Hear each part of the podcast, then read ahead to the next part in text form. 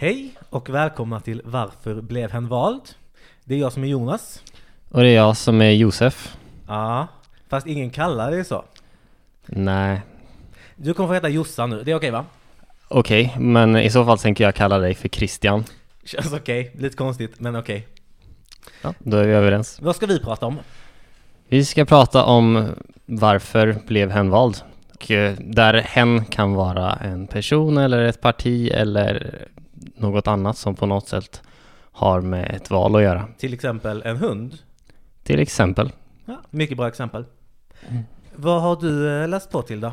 Eh, Jag har läst på om det ett tyskt parti som heter Die Partei som står för partiet och som år 2014 blev invalda till Europaparlamentet i Tyskland. Och genom det invalet så satte de rekord som världens första uttalade skämtparti som blev invald i en seriös, eh, seriös sammanställning. Jag tänker att det har funnits rätt mycket skämtpartier, inte minst i Sverige. Vet du nära typ kalanka partiet sådana vart? Alltså, kalanka partiet och sånt, de har, de har aldrig fått så mycket överhuvudtaget. Och framförallt en stor skillnad är att kalanka partiet det har ju aldrig varit ett parti. Det, är ju, inte- det har inte haft någon seriös eh, frontperson och liksom organisation. Eh, Partei har faktiskt eh, haft det, så de ska nog mer jämföras med eh, eh, vissa liksom små lokala partier som finns. Eh, och det, må sägas att den enda anledningen till att de blev invalda var för att man hade tagit bort eh, spärren för, eh, eh, eller någon procentspärren. Okej, och vad tycker de? Vad står de för? De står för en eh, höger-vänsterpopulistisk eh, plattform eh, och med antikonstitutionella inslag. Kan du ge ett exempel på sakfrågor de driver? De vill återinföra Berlinmuren Okej, och eh, göra om Östtyskland till en speciell ekonomisk zon. okej. Eh, de vill, eller jag vet inte om de vill det längre, men de har haft, exempel på saker som de har haft i sitt partiprogram är att invadera Liechtenstein, eh, ändra konstitutionen som idag säger att varje människa har en okränkbar rättighet till att det inte ska gälla vdn för vissa tv-bolag. Men det här med att eh, invadera Liechtenstein, är det inte lite konstigt att ingen gjort det? Det har, det, det har de gjort. Det har de gjort. Ja, det finns en jättebra historia om när tysk, jag tror det var Tyskland, kanske Schweiz, som av misstag invaderade Liechtenstein med 80 man eh, och eh, kom till, och eh, de slöts fred. Då hade de hittat en vän, så hade de 81 man och det är det enda kriget i världshistorien där man har, där antalet döda är negativt. Det är bra. Fast, ja, är Inte bra. döda, men ja, Så det är då en befolkningsmässig åtgärd kanske det här med att invadera Liechtenstein? kanske. Ja. Eh, absolut. Eh, De har även haft eh, på partiprogrammet att alla ska få en enhörning. Jag älskar enhörningar. Ja, det hade varit nice. Jag förstår att folk eh, röstar på dem. Ja. När ska du öppna svensk filial? Eh, jag tror att det är nog upp till eh, gemene man. Om du skickar ett mejl och frågar så kommer de... Det, det låter som att de skulle nog vara ganska positivt inställda till sådana saker. Okej, ett meddelande till våra lyssnare. Om det är någon av er som vill starta ett sånt parti, så skicka ett mail Inte Till till oss. oss. till mig. Jossan vill inte ha det. Nej, men du kan skicka det till, eh, till eh, Die Partei annars. Eller, eller om du vill gå med i deras eh, ungdoms, eh, eh, ungdomsförbund så heter det Hintnerjugend. Lite osmakligt tycker jag. Inte Det är jätteroligt. ganska mycket som de gör som är ganska osmakligt. Okej. Ehm, Så, men, eh, men framförallt så, så har de gjort saker som att de har infiltrerat och tagit över AFDs Facebookgrupper. Det är ganska roligt. Eh, De har, de har lyckats få kampanjlagstiftningen ändrad. Eh, För tidigare så får, fick alla partier stöd baserat på omsättningen i hur mycket merchandise de sålde. Lite godtyckligt kan jag tycka, men, men, men så var det. Så då började först AFD sälja guldtackor för jättemycket Till pengar. sig själva då eller? Nej, till sina medlemmar. Eh, så, då fick de jättehög omsättning även om de inte drog någon vinst. Eh, så Die Partei började sälja 100 eurosedlar Ja, och sen ändrade de den regeln. De här hade alltså en stol i Europaparlamentet. Japp. Eh, Hur, hur många röstade på dem undrar jag? 180 000 personer. 0,6 procent av alla röster.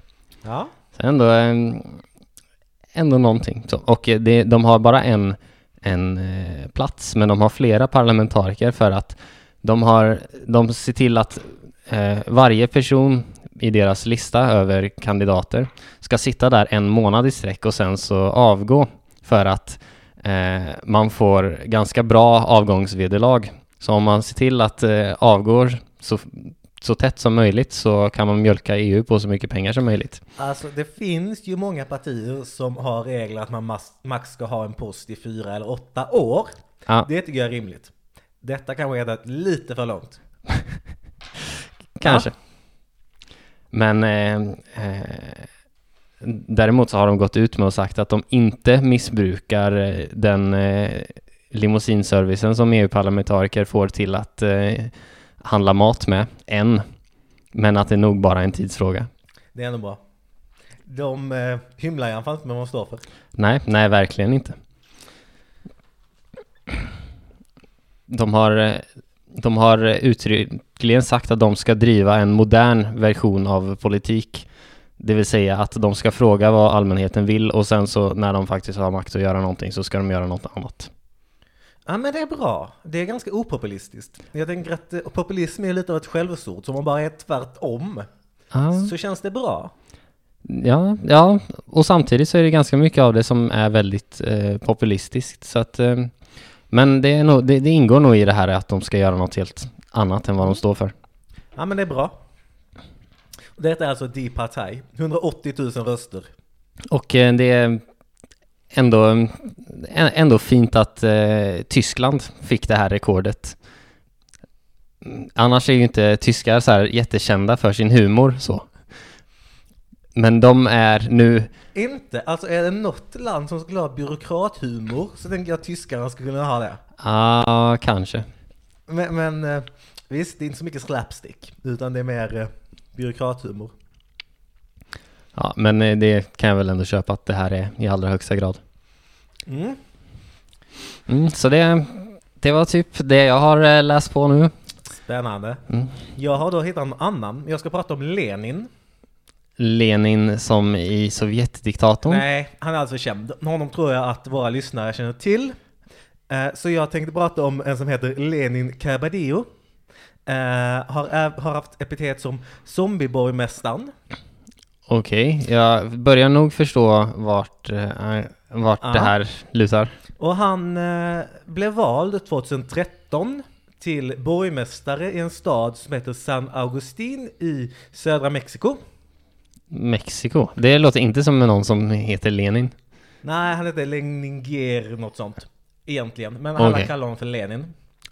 Fair enough. Eh, så han blev vald och då var han död. Och det är inte helt ovanligt Mm, att folk är döda. Det- händer det grann händer. Då då. Om man googlar på det får man en lista, mycket amerikaner. Eh, första träffen brukar vara en amerikansk bordellägare som, eh, från Nevada som hade som främsta punkt att han skulle förse all, hela landet med vatten. det, det känns ändå som en rimlig grej att Precis. förse folk med. Och han dog eh, strax innan val, eh, valet i någon cancer eller hjärtattack eller någonting. Det är inte så konstigt, det händer lite grann ibland. Eh, det finns även eh, en ganska känd person. Kim Jong-Il Ja, blev vald till evig ledare ett år efter han dog ungefär. ja, just det. Eh, men då visste alla att han var, redan var död, så det är inga konstigheter. Eh, finns lite sådana exempel, kanske får chans att återkomma till det. Hur som helst, den här Cabadillo, eh, han hade då dött 2010, hade han, hade han dött, tre år innan. Det är ganska långt innan. Han hade drivit en kampanj eh, och han stod där och, på valdagen och firade eh, sin vinst. Och då visade det sig att eh, han då hade fejkat, eller myndigheterna misstänkte, kanske jag ska säga, att han hade fejkat sin död. Eh, så han skulle anklagas för att eh, ha lämnat in falska dokument. Okej, så o- om jag reder ut så här. Han, hade, officiellt så hade han dött, men han, trots sin död så hade han fortfarande kunnat driva en hel kam politisk ka- kampanj. Absolut. Och ingen lyckades känna igen honom i den här staden med ungefär 1500 invånare. Ja, Eh, utan han var tydligen tillräckligt anonym för att ingen skulle reagera på det faktum att han var död. eh, och anledningen att han var död, det var att han, han hade blivit misstänkt för en gruppvåldtäkt, eh, som en av deltagarna i en gruppvåldtäkt 2004. Och så fick polisen upp ögonen för honom 2010. Så någon vecka senare så dog han i någon diabeteskoma. och nej. Och nej, som det kan hända. Så eh, myndigheterna övervägde då också eh, om de kanske skulle öppna upp det fallet också. Han kanske trots allt var skyldig. Det, det låter, det låter ju inte som ett jätteoskyldigt beteende kanske. Nej, jag tänker så också. Jag kanske inte skulle gjort så om jag vore oskyldig. Nej, men man kanske tänker att så här, ja men eh, anklagelserna är tillräckligt, tillräckligt för att förstöra livet så det är lika bra att verkar som att livet faktiskt förstörs. Kanske stannar kvar i sin hemby med 1500 invånare. Han kanske inte var så smart. Tillräckligt smart för en valkampanj uppenbarligen. Ja, men jag tänker mig att det, det, det, det här är bara en personlig hypotes, men jag tror att man kan vinna val på andra kvaliteter än intelligens. Ja, så kan det vara. Jag har en annan som då som dog strax innan valkampanj, strax innan valet. Mhm. Eh, och när han dog, han dog i hjärtattack. Och på dödsdagen, eller begravningen och sånt, så fick eh, frun eh, samtal från folk som dels skulle då uttrycka sin sorg och säga att de ändå skulle rösta på honom. För att, citat, han är vad som helst förutom Brooke. Ja, det klarar fortfarande en, en död kropp. Absolut. Eh, och det är en del som sa, sa att han, de visste att han var eh, avliden redan. Och den här Brooke, han hade bara suttit i två år, trots att mandatperioden är fyra. För han blev tillsatt när hans av företrädare eh, dog i hjärtattack. Och han kan ju inte bli avsatt för att, eh, på grund av att han dör om han redan är död innan han blir påsatt. Eller hur? Så jävla smart. Smart. Ja. Eh, Men hur är det, både han och, den här, och eh, Lenin innan, de fick sitta trots att de var döda då? Nej, Lenin kunde inte bli vald. Det var någon eh, myndighetsperson som sa att det var väldigt skönt att borgmästare i San Agustin inte hade rättslig immunitet. För det hade blivit lite jobbigt. Men det har de tydligen inte då, och det är väldigt Ja. skönt. Jag undrar hur det hade funkat om de hade blivit invalda på något ställe där de har rättslig immunitet. Nej, då, då får man väl bli avsatt. Men måste man ha, måste man så här, vara en person för att eh, få, få rättslig immunitet? Du menar om man kan vara död? Ja, jag menar, om, om man är död, då antar jag att man inte har några mänskliga rättigheter. Ja du, den är intressant. Jag känner... Ja, det finns ju... Jo, likskändning är ju en grej. Så någon typ av rättigheter har man även efter att man är död. Ja, det är sant. Men eh, kanske inte lika långtgående som de vanliga mänskliga rättigheterna. Så om till exempel någon hade våldtagit honom så hade de kunnat dömas för gravplundring. Likskändning, kanske. Jag vet inte. Har vi någon jurist i publiken så kan de ju höra av sig och reda ut vad som gäller. Framförallt om personen i fråga är expert på mexikansk rätt. Mexikansk likrätt. Ja, vi får hålla tummarna. Ja. Eh, och eh, det här partiet som står bakom Lenin, Mm. de påstår sig ha blivit misslett. Lätt hänt. Har vi något mer att säga om honom? Skulle du rösta på honom? Jag vet fortfarande ingenting om hans plattform, men så här, det enda jag vet om honom är att han har låtsats vara död. Ja. eh, det är för Och att han antagligen är skyldig för en, till en gruppvåldtäkt. Så jag skulle nog säga efter långt övervägande, nej. Ja. Eh, hans partier, hans parti som står bakom honom heter någonting som ungefär översatts till Demokratiska revolutionspartiet. Ah, det låter spännande. Ja.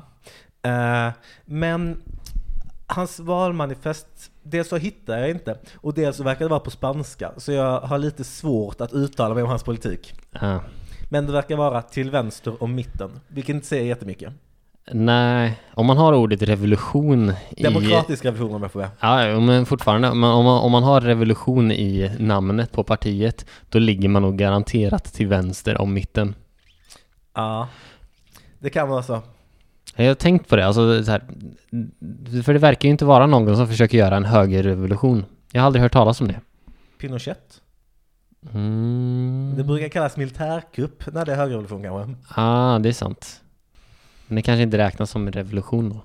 Även om jag, jag håller med om att till det, Till det yttre så är det likt. ja, Och vad ska vi prata om nästa vecka? eh, jag har inte riktigt eh, bestämt vad jag ska prata om nästa vecka. Rimligt, förmodligen inget. Vi kommer tillbaka om två veckor.